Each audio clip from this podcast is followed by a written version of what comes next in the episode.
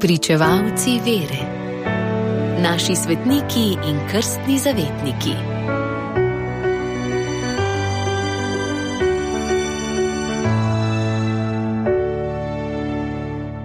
Šesti december.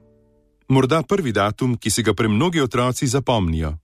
God svetega Miklauža, kakor pravimo svetemu Nikolaju, ki je bil v četrtem stoletju škof v mestu Mira v Mali Aziji. Marsikje god svetega Miklauža porabijo za dan krščanske dobrodelnosti. Z materialnimi darovi se spomnijo zapuščenih, revnih in osamljenih otrok. Tudi v naših družinah bi lahko otrokom ob takih priložnostih odpirali srce za potrebe ljudi, ki živijo okrog nas. In kako je ta svetnik postal tak prijatelj otroških src? Prav veliko zgodovinskih podatkov iz njegovega življenja ni, več nam o njem povedo prisrčne legende. Trdno je dejstvo, da je bil Nikolaj Škof v Miri, kjer je v visoki starosti umrl okoli leta 350, potem ko se je z drugimi škofi udeležil koncila v Niceji leta 325. Pobožnim staršem se je rodil potem, ko sta bila že dolgo poročena in sta izgubila upanje na potomce. Bila sta dobra in usmiljena, odprta za reveže. Sin Nikolaj, zmaga ljudstva pomeni njegovo ime, ju je v tem posnemal.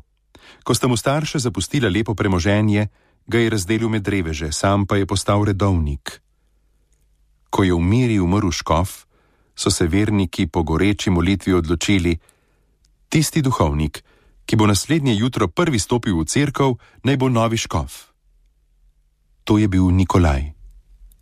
Svojim vernikom je hotel biti zgled vsem, zlasti v dobrodelnosti. Ko je nastopil škofovsko službo, so kristijane v rimski državi še preganjali in tudi sam je bil zaradi vere v ječi.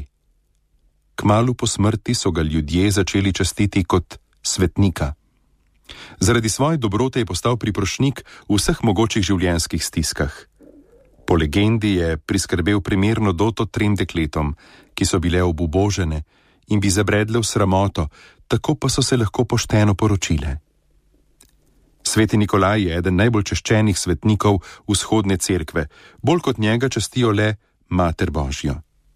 V carski Rusiji so svetnikov spomin slavili z dvema praznikoma: 6. decembra, ko je torej spomin njegove smrti, in 9. maja, ko je spomin prenosa njegovih posmrtnih ostankov. Leta 1086 so namreč pomorščaki iz italijanskega mesta Bari v Miri ukradli njegove zelo češčene relikvije in jih prenesli v svoje mesto, kjer so še danes. Italijani mu pravijo San Nicola di Bari. Prve cerkve v čast svetemu Miklaužu so postavljali ob vodah. Ljubljanska stolnica, ki je posvečena svetemu Nikolaju, je bila prvotno cerkev ljubljanskih ribičev in čovnarjev. Na slovenskem je temu ljubljenemu svetniku posvečenih največ cerkva, okoli 200. V mnogih so naslikani prizori iz legend o njegovem življenju.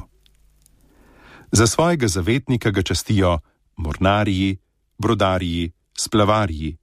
Dobrotnik iz mire je tudi zavetnik otrok, ministrantov, romarjev in popotnikov, advokatov, sodnikov, notarjev, trgovcev, lekarnarjev, pa gostilničarjev, izdelovalcev in trgovcev s parfumi, pekov, mesarjev, pivovarnarjev, žganjarjev, delavcev v kamnolomih, izdelovalcev gumbov, svečarjev, ujetnikov.